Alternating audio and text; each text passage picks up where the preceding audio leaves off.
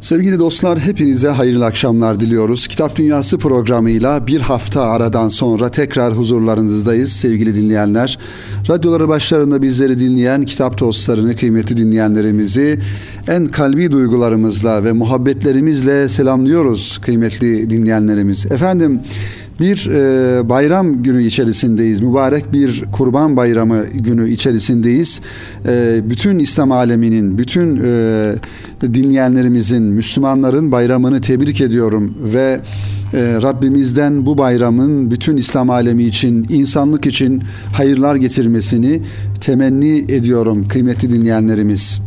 İçinde bulunmuş olduğumuz bu güzel zaman dilimini e, yaşarken sevgili dinleyenler gerçekten son e, günlerde Müslümanlar adına özellikle e, Türkiye'deki Müslümanlar adına sevindirici hadiselerin gelişmesi ve bir manada çifte bayramlar yaşamamız, bugün içinde bulunduğumuz Kurban Bayramı ve tabii ki Cuma'ya denk gelmesi ayrıca Cuma'nın Müslümanlar açısından bir haftalık bayram olması ve diğer taraftan da malumunuz olduğu üzere geçtiğimiz günlerde 24 Temmuz'da İslam dünyasını, Müslümanları çok yakından ilgilendiren ve özellikle Türkiye'deki Müslümanların 86 yıllık bir hasretinin sona ermesi olarak kabul ettiğimiz Ayasofya Camii'nin tekrar ibadete açılması bizim için ayrı bir bayram oldu sevgili dinleyenler. Onun için bu programımızı kıymetli dinleyenlerimiz hususiyle Ayasofya ile alakalı bir kitabı sizlere anlatmaya, tanıtmaya çalışacağız ve bu programımızı da buna ayırdık inşallah.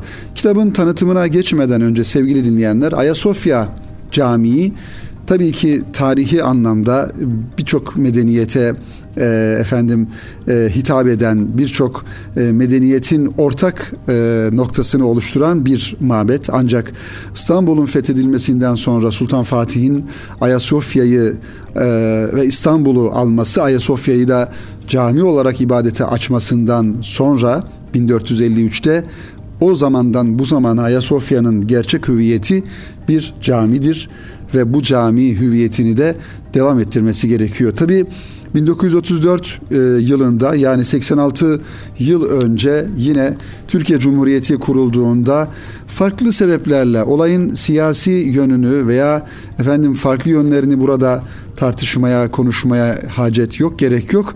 Ama bir şekilde burası müzeye çevrilmiş, müze haline getirilmiş ve o günden bugüne kadar e, müze şeklinde e, kullanılmış. Ta ki 2020 yılının 24 Temmuz'una kadar. Bu zaman zarfı içerisinde Ayasofya ile alakalı belki yüzlerce e, kitaplar yazıldı, binlerce makaleler yazıldı. İnsanlar yürüyüşler yaptılar, mitingler yaptılar Ayasofya Camii'nin önünde, Sultanahmet Meydanı'nda yıllarca Ayasofya'nın açılması için e, gayret gösterdiler. Efendim e, iktidara gelen e, insanlar, e, başbakanlar o yıllarda e, seçmenlerine Ayasofya'nın açılması vaadini verdiler. E, Birçok süreçten geçti ve badireden geçildi. E, ancak 2020'nin 24 Temmuz'unda demek ki e, nasip bugüneymiş diyoruz ve hamdolsun Ayasofya cami olarak tekrar ibadete açıldı. Gerçekten e, Müslümanlar açısından sevgili dinleyenler, dünya Müslümanları açısından, Türkiye Müslümanları açısından çok sevindirici ve çok e, onur verici bir durum olduğunu e, ifade edelim. Dedik ki sevgili dinleyenler Ayasofya ile alakalı e, şimdiye kadar belki yüzlerce kitap kaleme alınmış, e, makaleler yazılmış, konferanslar verilmiş ki bunların içerisinde merhum Necip Fazıl Kısaküre'nin Ayasofya e, konferansı çok e, bilinen meşhur konferanslardan bir tanesidir. Fırsatı olan dinleyenlerimizin mutlaka o konferansı üstadın kendi sesinden e, internette bulabilirler. Dinlemelerini tavsiye ediyorum. Ayasofya ile alakalı e, düşüncelerini orada bulabiliriz. 2005 yılında sevgili dinleyenler şimdi bu haftaki programımızı hassettiğimiz Ayasofya Camii ile alakalı çok hacimli, çok teferruatlı gerçekten çok esaslı bir kitap olarak yayınlanmış. Osmanlı Araştırmaları Vakfı yayınları arasından çıkan e, bir kitap. Üç devirde bir mabet Ayasofya ismini taşıyan bu eseri Profesör Doktor Ahmet Akgündüz, Doçent Doktor Sait Öz, Öztürk ve Yaşar Baş hocalarımız gerçekten uzun bir gayretin neticesinde e, bu kitabı yayınlamışlar. Bu kitaba e, bu kitabı okuyucunun e, istifadesine sunmuşlar. Herhalde Ayasofya ile alakalı e, yazılmış en teferruatlı e, kitap diyebiliriz bu e, çalışmaya sevgili dinleyenler. Zira kitabın hacmi de büyük. Yani e, böyle tahmin ettiğimiz e, şekliyle e, küçük boyutlarda bir kitap değil. Kitabın hacmi de çok büyük ve sayfa sayısı da yaklaşık 900 sayfa civarında bir kitap sevgili dinleyenler. Tabi üç devirde e, bir mabet Ayasofya e, denildiğinde bu üç devir sevgili dinleyenler her bir deviri çok teferruatıyla ele almışlar. Özellikle bu kitap bir e, belgesel niteliğini de taşıyor. Arşiv belgelerinden istifade ederek e, kaleme almışlar ve üç devri de yine kendi kaynaklarından e, hareketle e, yazmışlar hocalarımız. Tabii ki Ahmet Akgündüz hocanın sevgili dinleyenler e, Türkiye'de tarihi, tarihi anlamda yapmış olduğu çalışmaları az çok biliyoruz. Öteden beri özellikle Osmanlı ile alakalı yaptığı arşiv belgelerine dayanan e, çalışmaları gerçekten birçok hadisenin gün yüzüne çıkmasına, daha objektif olarak değerlendirilmesine, tartışmalardan uzak bir şekilde belgelerle ve kayıtlarla, bilgilerle kitaplar hazırlandığından dolayı sevgili dinleyenler e, hiçbir şekilde tartışmaya da mahal vermeden bu kitaplar bizim e, karşımıza çıkıyor e, sevgili dinleyenler. Dedik ya kitap çok hacimli ve içinde belki yüzlerce başlık var. Her bir başlığın kendi içerisinde kaynakları, belgeleri, arşiv belgeleri, fotoğrafları bu kitabın içerisinde kendisine yer bulmuş sevgili dinleyenler. Şöyle kısaca üç dönemden neyi kastetmiş e, yazarlarımız onların başlıklarını ifade edelim. Sonra kitabımızın e, tanıtımına ve teferruatına geçelim. Bu üç dönem sevgili dinleyenler Bizans döneminde Ayasofya diye başlıyor birinci bölüm. Tabii ki Ayasofya'nın yapılışı, ilk olarak temellerinin atılışı, hangi gayeyle yaptığı, kimin yaptığı buralarda anlatılıyor. Birazdan daha e, detayına gireceğiz. İkinci bölümde ise Osmanlı döneminde Ayasofya ve fetihten sonra özellikle Sultan Fatih'in İstanbul'u fethetmesinden sonraki Ayasofya ve tabii ki üçüncü bölüm olarak da e, Ayasofya'nın sevgili dinleyenler e, artık bir cami hüviyetinden e, bir manada cami hüviyeti bir yönüyle kapatılıp müze olarak e, hayatiyetine devam ettiği dönem olan Cumhuriyet devrinde Ayasofya bölümü de kitabın üçüncü bölümünü oluşturuyor. Kıymetli dinleyenlerimiz bu kitabın tabi 2005 yılında kaleme alındığını, basıldığını e, dikkate alırsak herhalde kıymetli hocalarımız e, bu kitaba öyle zannediyorum ki eğer e, ilave yapmak isterlerse bundan sonra dördüncü bölüm olarak da 20 Temmuz 2000 e, 24 Temmuz 2020 yılını yani Ayasofya'nın tekrardan cami hüviyetine aslına kavuşturulmasını da ve bu sürecin nasıl geliştiğini, nasıl olduğunu, efendim bu tartışmaların nasıl yapıldığını, kimlerin neler söylediğini, e, medyada çıkan haberlerin hangileri nasıl olduğunu ve dünyadaki e, tepkilerin başta Avrupa'nın, Yunanistan'ın, e, Hristiyan aleminin ya içimizdeki e, Batı hayranlarının herhalde kayıtlara geçen e, tepkilerini de e, olabilirse kitabın dördüncü bölümü eğer hazırlanırsa ilerleyen yıllarda mutlaka bu kitabın sayfalarında e, yerini alacaktır diye e, düşünüyorum sevgili dinleyenler. Dedik kitap çok teferruatlı e, hazırlanmış kıymetli dostlar. Sultan Fatih'in e, Ayasofya ile alakalı e, vakıfnamesi burada bütün e, yönleriyle ele alınmış. Orijinal e, metinleri yani tıpkı basım Arapça olarak vakfiyeler malumunuz e, Arapça kaleme alındığından dolayı Arapça metinler verilmiş. Arapça metinlerin altına da yine numaralandırılarak onların günümüz Türkçesindeki e, tercümeleri verilmiş. Sadece e, sayfalarca tabi bu burada devam ediyor bölüm bölüm e, ve tabii ki Osmanlı dönemindeki Ayasofya bölümüne baktığımızda e, Osmanlı padişahlarının sevgili dinleyenler Osmanlı padişahlarının ki e, ta Sultan Fatih'den başlayarak e, onun devrinden başlayarak yani 1451 yılından 1481 yılına kadar Sultan Fatih devri olarak ifade ediyoruz bunu. E, ondan sonra Bayezid devri 1481-1512 e, birinci Selim devri, Kanuni devri 1520-1556 66 e, bu devirlerden bütün padişahların Osmanlı padişahlarının Ayasofya ile alakalı yapmış oldukları e, çalışmalara burada kaynaklarıyla tarih tarih belge belge şahit oluyoruz sevgili dinleyenler. İkinci Abdülhamit Han devri bile burada 1876-1909 yılında caminin kubbesinin efendim kuzey tarafı saçakları ve orta katın tamiri e, cennet mekan Abdülhamit Han zamanında yapılmış. Camilerin camideki mozaiklerin korunması talebi, efendim yeni bir kapı açılması ve kapıların demirden yapılması e, bunlar hepsi e, Abdülhamit Han döneminde yapılan ki sadece bunları ifade ediyorum. Ondan önceki padişahların yani e, ki Abdülhamit dönemi 1876 1909 yakın bir tarih.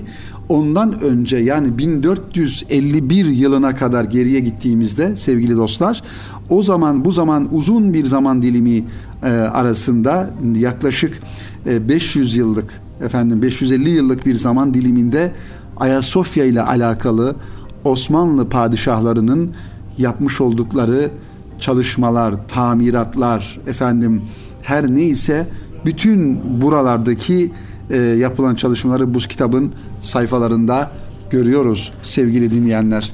Evet Ayasofya birazdan hocalarımızın kitapla kitaba yazmış oldukları ön sözü de inşallah sizlere takdim edip bu kitabın mahiyetini, ehemmiyetini biraz daha yakından anlamaya çalışacağız sevgili dinleyenler. Ancak gerçekten e, Ayasofya Müslüman dünyasının çok duygusal bir tarafı hepimiz için.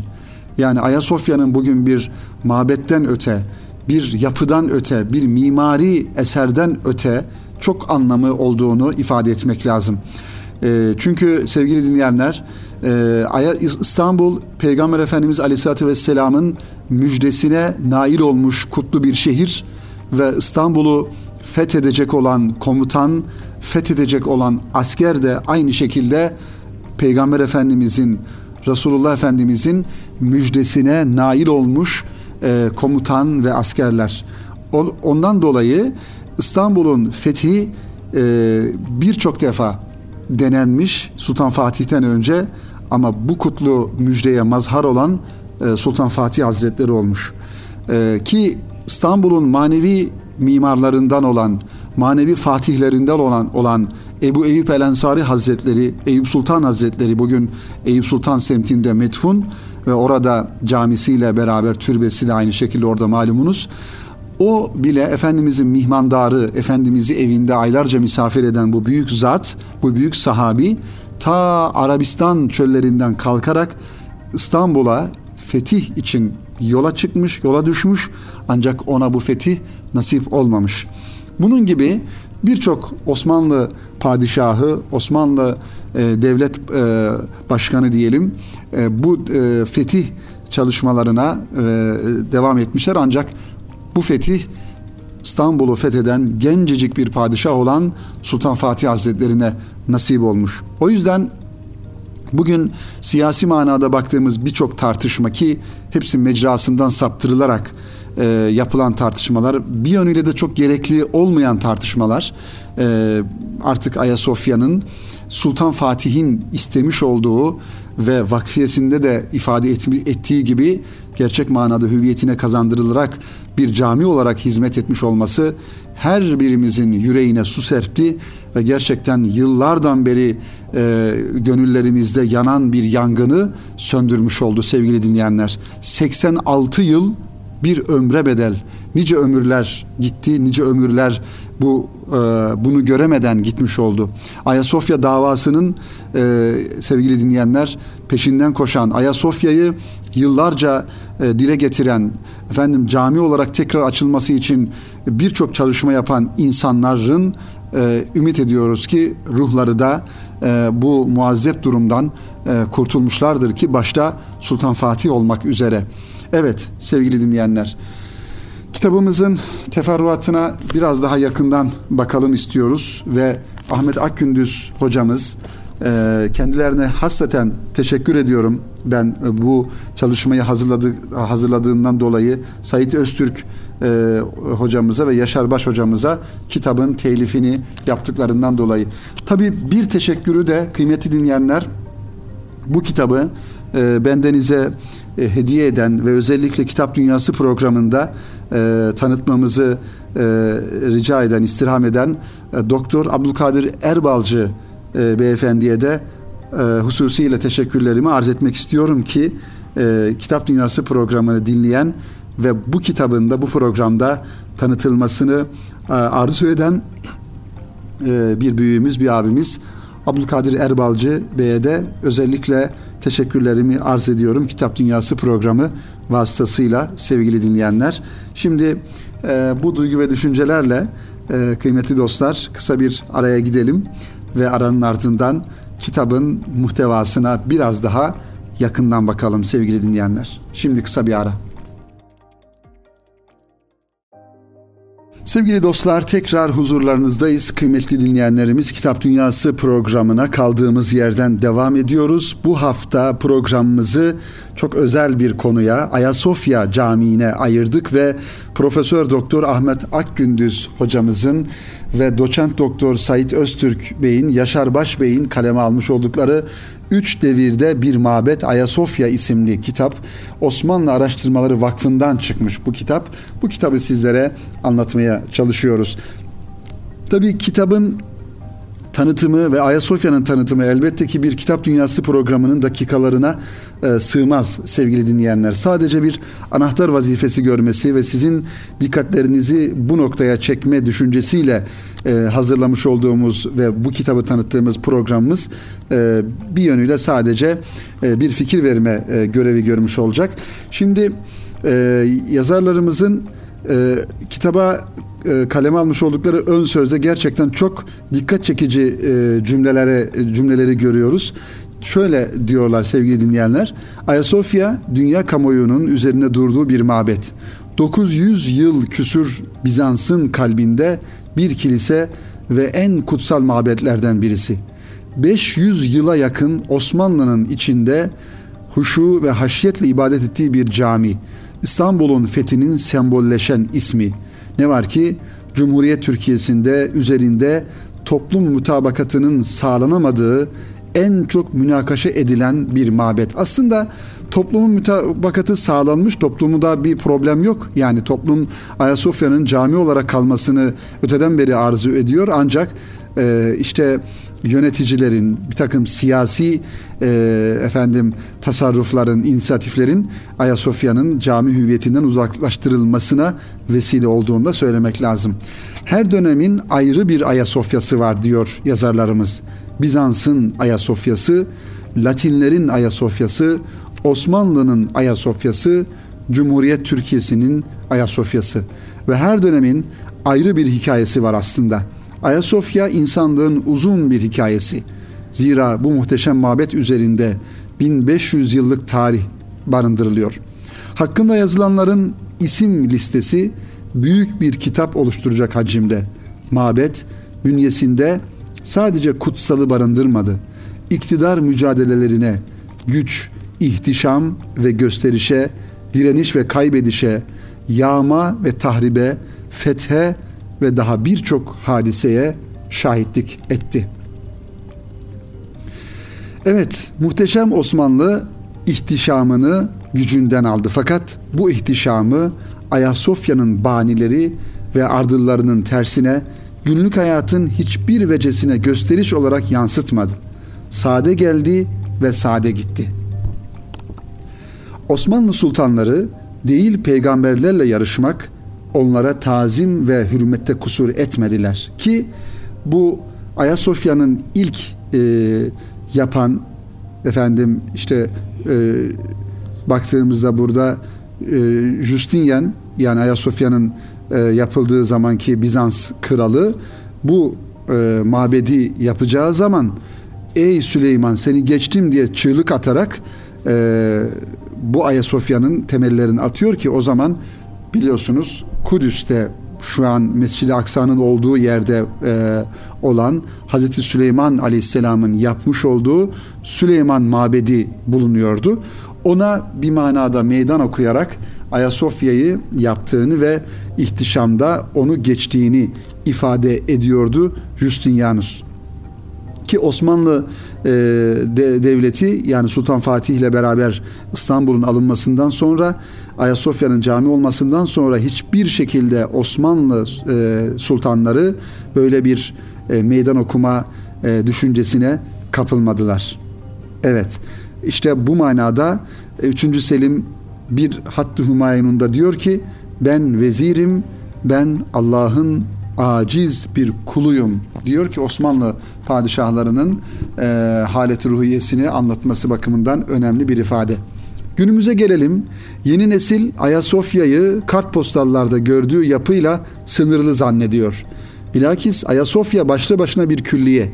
Eski Ayasofya günümüze kadar gelebilmiş iken ondan daha genç olan Osmanlı dönemi Ayasofya yapılarının yok oluşu anlaşılır gibi değil. Evet. Şimdi Ayasofya'nın tabi burada sevgili dinleyenler Ayasofya Camii'nin bulunduğu e, bir yerde etrafında yani Topkapı Sarayı'nın e, bir tarafı Topkapı Sarayı bir tarafı denize bakan taraf yani kıble tarafı efendim arka tarafta yere batan sarnıcına olan taraf ve Ayasofya'nın sağ tarafında da e, kapıdan girişimizde Sultanahmet'e bakan tarafta bütün buralarda Ayasofya Camii'nin dışında haricinde Osmanlı döneminde yapılmış efendim medreseler, imarethaneler, farklı farklı birimler bir külliye halinde Ayasofya'nın e, olduğunu tarihi kayıtlardan görüyoruz. Ancak günümüze geldiğimizde bütün bunların hiçbir tanesinden eser kalmamış. Yazarlarımız da bunların yok oluşunun aslında bir manidar olduğunu söylüyor. O yüzden Erdem Yücel'in ifadesiyle diyor ortada kayıp bir Ayasofya var. Deyim yerindeyse vaktiyle içinde gürül gürül ibadet edilen Ayasofya bugün bütün elbiselerinden soyulmuş, ölü bir mezar sükutu içinde bomboş. Tabi 2005'te yazıldığını düşünürsek bu kitabın e, bu ifadelerin daha anlamlı olduğunu anlarız ama hamdolsun bugün şu programın yapıldığı günlerde, dakikalarda, saatlerde elhamdülillah Ayasofya'nın içerisinde yine gürül gürül ezanlar okunuyor, ibadetler yapılıyor, namazlar kılınıyor, salat selamlar getiriliyor, tekbirler getiriliyor. Cenab-ı Hakk'a sonsuz hamdü senalar olsun diye efendim niyazımızı da ifade ediyoruz sevgili dinleyenler. Evet. Bugünkü haliyle Ayasofya gerçek manasından sıyrılmış bir taş ve sütun yığını halinde diyor o günleri o günlere atfederek sevgili dinleyenler. Yine hocalarımızın sevgili dinleyenler kiliseden külliyeye Ayasofya'da Türk İslam izleri başlığını açarak yine ön söz bölümünde şu ifadelere yer verdiklerini görüyoruz ki bunlar da gerçekten hem bugüne ışık tutan, bugünkü tartışmalara da bir manada ışık tutan e, düşünceler, ifadeler. Ayasofya'nın günümüze en iyi biçimde gelebilmesinin başlıca sebebi diyor Erdem Yücel ki Erdem Yücel Ayasofya çalışmaları ve yapılan onarımlar isimli e, bir kitabın e, sahibi aynı zamanda sevgili dinleyenler ki bir aynı zamanda Süheyl Ünver de Ayasofya Türk efsaneleri hakkında e, isimli kitaplarının müellifleri. Dolayısıyla onlara atıf yapılarak e, burada ifade ediliyor. E, Erdem Yücel şöyle diyor. E, yüzyıllar boyunca yapılan ve onu yaşatmak amacına yönelik onanımlar olmuştur Ayasofya ile alakalı. Gerçek şu ki Ayasofya Osmanlılar sayesinde varlığını bugüne kadar sürdürebilmiştir. Yine Süheyl Ünver haklı olarak şöyle diyor. Türk geçmiş asırlarda tahripkar değildi. Bizans'ın bir taşına bile dokunmamışlar. Bilakis imar etmişlerdir. Birkaç garazkarımız müstesna. Herkes bunun böyle olduğunu bilir. Bunları imar, yıkmak değildi. İstanbul'a Türk'ten başka bir millet sahip olsaydı acaba bugünkü kadar Bizans eseri kalabilir, kalabilir miydi ki geçtiğimiz günlerde Cumhurbaşkanı'nın da ifade ettiği üzere eğer bizim ecdadımız, e, bizim milletimiz e, geçmiş milletlerin, insanların, medeniyetlerin e, tarihi yapılarına hoyratça davransaydı bugün bunların hiçbir tanesi hayatta kalmazdı. Evet İstanbul'da bir Türk eserini bunlardan herhangi birini ortaya çıkaracağım diye yıkanlar hiç olmazsa kendinden utanmalıdır diyor Süheyl Ünver. Ayasofya Türklerin eline geçtikten sonra birçok tamir görmüş, çeşitli desteklerle takviye edilmiştir. Bu tamir ve takviyelerle bugüne kadar ayakta kalması sağlanan Ayasofya'ya yapılan çeşitli ilaveler binaya bir Türk sanat eseri hüviyetini kazandırmıştır. Ayasofya kiliseden camiye çevrildikten sonra Türk İslam geleneğine uygun olarak çevresine çeşitli yapılar eklenmiştir. Genellikle bütün büyük camilerde görüldüğü gibi Ayasofya'da dahi, dahi e, Osmanlı dini ve sivil mimarisine ait ekleri görüyoruz. Az önce de ifade ettiğimiz gibi. Bunlar çeşme, medrese, imaret, hamam, kütüphane, muvakkithane, mektep vesairedir. Bir devrin en büyük cami olduğu için de birçok sultanın naaşı çevredeki türbelere gömülmüştür.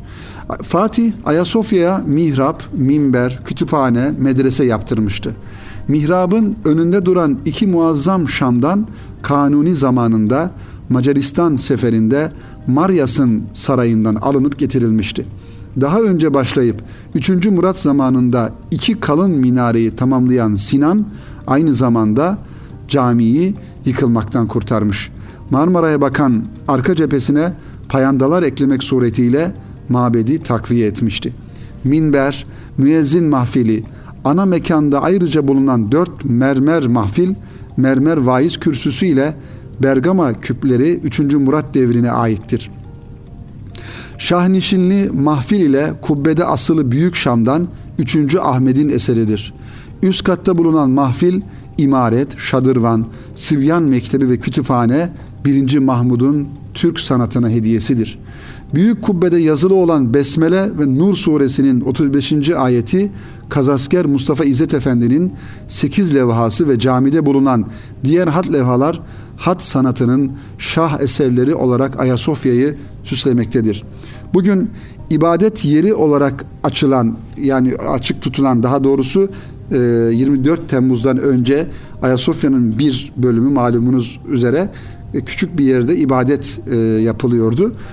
Açık tutulan eskiden hünkâr mahfiline geçişi sağlayan hünkâr dairesi ile içeride bulunan hünkâr mahfili ve dışarıdaki muvakkithane Sultan Abdülmecid devrine aittir ve Fossati tarafından yapılmıştır. Altı adedi mihrabın e, olduğu duvar tarafında bulunan alçı pencereler, içeride ve Ayasofya'nın dış çevresinde bulunan sebiller, dört minare, 1936 yılında yıktırılan, yıkılan, yıktırılan medrese, beş türbe, alemler, yazılar, çiniler, maksureler, şebekeler, kandiller, tezyinat, padişah hattı, levhalar, sair cami eşyası gibi daha onlarca sayacağımız Türk eserleri artık ilk kilisenin ne kadar değiştiğini de ispatlamaktadır. Ee, sevgili dinleyenler bunları görüyoruz. Evet kıymetli dostlar bu şekilde Ayasofya'nın e, içeriğine ait tabii ki çok şey var burada. Her birisini e, aktarmamız e, mümkün değil. İnşallah bu kitabı temin eder. E, bakarsanız Osmanlı Araştırmaları Vakfı yayınları arasından çıkan. Programımızın sonuna doğru yaklaşırken yaklaşırken sevgili dinleyenler tabii şunu da ifade ed- etmek gerekiyor. İfade etmeden de programımızı e, bitirmeyelim. Özellikle Ayasofya Camii'nin 24 Temmuz'da e, tekrar e, açılışında e, Diyanet İşleri Başkanımız Profesör Doktor Ali Erbaş'ın hutbede okumuş olduğu e, konu yani Ayasofya'nın farklı e, şekillerde kullanılması noktasında Sultan Fatih'in e, lanet içeren o vakfiyesindeki cümleleri ifade etmesi gerçekten büyük bir tartışmaya sebep oldu ki aslında tartışılacak bir durum yok. Sultan Fatih bunu 500 yıl önce ifade etmiş ve vakfiyesinde de bunu e, ortaya koymuş. İşte bu kitabın içerisinde sevgili dinleyenler e, kitabın 255. sayfasından e, efendim 313. sayfasına kadar yani 60 sayfa civarında bir bölüm Fatih Sultan Mehmet'in Ayasofya Vakfiyesi olarak hem orijinal e, yazısıyla, baskısıyla hem de günümüz Türkçesiyle burada tercümesiyle e, buraya alınmış. Bu vakfiye tabii çok uzun bir vakfiye. Yani 60 sayfalık bir vakfiye okuduğunuzda gerçekten Sultan Fatih'in Ayasofya'ya ne kadar e, bir ehemmiyet verdiğini, ne kadar önemsediğini bu satırlar arasında görüyoruz. Madde madde efendim ayrıntılarına girerek e, vakfedilen yerlerin isimleri, oradaki insanların isimleri, ilgililerin isimleri, e, tabirlerinde ise cadde cadde sokak sokak belirtilmiş burada. Ayasofya'ya e, vakfedilen vakfiyelerin buradaki bilgileri. Tabi tartışmaya konu olan e, ve Ali Erbaş Hoca'nın da hutbede hutbeyi irad ederken e, e, kurmuş olduğu cümleler e, maalesef e, bir takım insanlar tarafından farklı mecralara çekildi ve sanki o ifadeler efendim birilerine hakaret e, ediyormuş gibi kasıtlı kullanılmış gibi e, gündeme sunuldu ve bu e, gündem Ayasofya'nın cami olarak açılmasının gündeminin de önüne geçirilmeye çalışıldı. Halbuki burada e, Ali Erbaş Hoca yıllar önce Sultan Fatih'in e, vakfiyesinde ifade etmiş olduğu cümleleri zikretti ve hatırlatmada bulundu. Bundan hiç kimsenin alınmasına, gocunmasına, kırılmasına veya yanlış anlamasına ya da başka noktalara çekmesine hiç gerek yok, lüzum da yok. İşte burada efendim tam belgelerle Osman Arapçada aslı da burada olmakla beraber ki kitabın bu bahsetmiş olduğumuz e, üç devirde e, bir Mabet Ayasofya isimli kitabın arka kapağının e, kapağına tam da bu ifadelerin yer aldığı Arapça e, metin konulmuş. Yani vakfiyenin aslı konulmuş. Böyle bir sayfa şeklinde. Şimdi ben o bölümü sevgili dinleyenler sizlere Türkçesinden e, takdim ederek inşallah programımızı yavaş yavaş e, sonlandıracağım. Sultan Fatih'in bizatihi kendi ifadeleri bunlar. Ayasofya ile alakalı e, nasıl kullanılması gerektiğini, Ayasofya Camii'nin nasıl kullanılması gerektiğini ifade eden ve bu e, asli hüviyetinin dışında kullanıl, kullananlara da karşı neler söylediğini ihtiva eden bölüm. Allah'ın yarattıklarından Allah'a ve onun ruhiyetine iman eden, ahirete ve onun heybetine inanan hiçbir kimse için sultan olsun, melik olsun, vezir olsun, bey olsun, şevket ve kudret sahibi biri olsun, hakim veya mütegallip yani zalim ve diktatör olsun, özellikle zalim ve diktatör idareciler tarafından tayin olunan fasit bir tahakküm ve batıl bir nezaret ile vakıflara nazır ve mütevelli olanlar olsun. Yani isterse diyor devlet o zamanki devlet başkanlarının kendilerinin e, görevlendirdiği bir takım insanlar olsun. Ve kısaca insanlardan hiçbir kimse için bu vakıfları eksiltmek, bozmak, değiştirmek, tağyir ve tebdil eylemek, vakfı ihmal edip kendi haline bırakmak ve fonksiyonlarını ortadan kaldırmak asla helal değildir diyor birinci cümlesinde. Dediğimiz gibi 60 sayfalık bir vakıfname sevgili dinleyenler. Her bir cümlesini okusak burada dakikalar alır.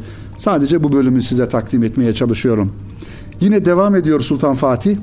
Kim ki bozuk teviller, hurafe ve dedikodudan öteye geçmeyen batıl gerekçelerle bu vakfın şartlarından birini değiştirirse veya kanun ve kurallarından birini tağyir ederse, vakfın tebdili ve iptali için gayret gösterirse, vakfın ortadan kalkmasına veya maksadından ve gayesinden başka bir gayeye çevrilmesine kast ederse, vakfın temel hayır müesseselerinden birinin yerine başka bir kurum ikame eylemek ve vakfın bölümlerinden birine itiraz etmek dilerse veya bu manada yapılacak değişiklik veya itirazlara yardımcı olur yahut yol gösterirse veya şer'i şerife aykırı olarak vakıfta tasarruf etmeye azmeylerse mesela şeriata ve vakfiyeye aykırı ferman, berat, tomar veya talik yazarsa veyahut tevilat hakkı resmi yahut takrir hakkı resmi ve benzeri bir şey talep ederse kısaca batıl tasarruflardan birini işler yahut bu tür tasarrufları tamamen geçersiz olan yazılı kayıtlara ve defterlere kaydeder ve bu tür haksız işlemlerini yalanlar yumağı olan hesaplarına ilhak ederse açıkça büyük bir haram işlemiş olur. Günahı gerektiren bir fiili irtikab eylemiş olur. Allah'ın, meleklerin ve bütün insanların laneti üzerlerine olsun. Ebediyen cehennemde kalsınlar. Onların azapları asla hafifletilmesin ve onlara ebediyen merhamet olunmasın. Kim bunları duyup gördükten sonra değiştirirse vebali ve günahı bunu değiştirenlerin üzerine olsun. Hiç şüphe yok ki Allah her şeyi işitir ve her şeyi bilir. İşte sevgili dinleyenler Sultan Fatih'in kendi ifadeleriyle vakıf vakıfnamede yer bulan cümleleri bunlar. Tabii şu şöyle bir ifade akla gelebilir sevgili dinleyenler. İsla, İslam'da lanet okuma var mıdır? Evet vardır. Peygamber Efendimiz Aleyhisselam da e, aynı şekilde müşriklerle, kafirlerle e, mülanede bulunmuştur. E, dolayısıyla e, burada Sultan Fatih Hazretleri durup dururken bir e, lanet cümlesi kurmuyor dikkat edersek. Diyor ki özetle ben İstanbul'un fatihi olarak Ayasofya Camii'ni bir camiye çevirdikten sonra orayla alakalı vakıflar oluşturdum ve bu vakıfların ve bu caminin ki caminin kendisi de bir vakıftır. Caminin gerçek manada e, asli olarak kullanılması neyi gerektiriyorsa onun dışında kullanılmasına asla müsaade etmiyorum ve bunu da bu şekilde hileyle, tebdille, tagyirle, farklı e, sebeplerle değiştirmeye yeltenen, bunu yapanların üzerine diyor Allah'ın laneti, insanların laneti, meleklerin laneti olsun diyor. O zaman bunu böyle yapmayacağız. Yapmamak gerekiyor. Yaptıktan sonra da efendim niye böyle söylendi, niye böyle denildi? Ya mübarek zaten yazmış Sultan Fatih yıllar önce. Bunları ifade etmiş. Bunu da Diyanet İşleri Başkanımız Ali Erbaş Hoca Ayasofya Camii'nin cuma namazı ilk cuma namazı kılındığında cuma hutbesini irade ederken Sultan Fatih'in ifadeleri olarak zikretti. Bunu kimse üzerine almasın. Eğer böyle bir şey yapmışlarsa e, onlar da zaten onu da zaten Sultan Fatih söylemiş. Ali Erbaş Hoca söylememiş. Onun için sevgili dinleyenler bu ifadeler her birisi belgelerle, kayıtlarla ortada. Ayasofya Camii'nin vakfiye namesi Sultan Fatih tarafından 500 e, yıl önce yazılmış ve kayıtlarda, arşivlerde buluyor, bulunuyor. Bu kitabı da bu manada sevgili dinleyenler sizlere aktarmış olduk. Ben tekrar programımıza bir katkı amacıyla bu kitabı bizlere gönderen ve Kitap Dünyası programında tanıtmamızı isteyen e, Doktor Abdülkadir Erbalcı abimize gerçekten teşekkür ediyorum. Ve tabii ki hocalarımıza Ahmet Akgündüz, Sait Öztürk ve Yaşar Baş hocalarımıza da böyle bir güzel eseri bize kazandırdıklarından dolayı ayrıca teşekkür ediyorum. Kalemlerine sağlık, yüreklerine sağlık. Mutlaka bu kitabı Osmanlı Araştırmaları Vakfı'ndan e, isteyebiliriz, elde edebiliriz, ulaşabiliriz, okuyabiliriz sevgili dinleyenler. Ayasofya özel programımız oldu bu haftaki programımız. Tabi sevincimiz çok fazla Efendim e, gönlümüz bu manada ferahladı. Ayasofya'nın tekrar cami olarak ibadete e, ibadet yeri olması ve ibadete açılmasına çok e, sevindik, çok duygulandık sevgili dinleyenler. E, Cuma namazında da orada bulunduk. Bulunmaya da devam edeceğiz. Boş bırakmayacağız hiçbir zaman. Ayasofya Camii bundan sonra her vakit tıklım tıklım olmalı ve etrafında Müslümanlar aynen bir peteğin e, etrafını saran arılar gibi bir çiçeğin üzerine konan efendim arılar gibi orada bulunacağız ve oradan manevi olarak hissemizi, payımızı alacağız sevgili dinleyenler. Efendim önümüzdeki hafta tekrar buluşmak ümidiyle yeni programlarda hepinizi Rabbimize emanet ediyorum. Hayırla kalın, hoşça kalın.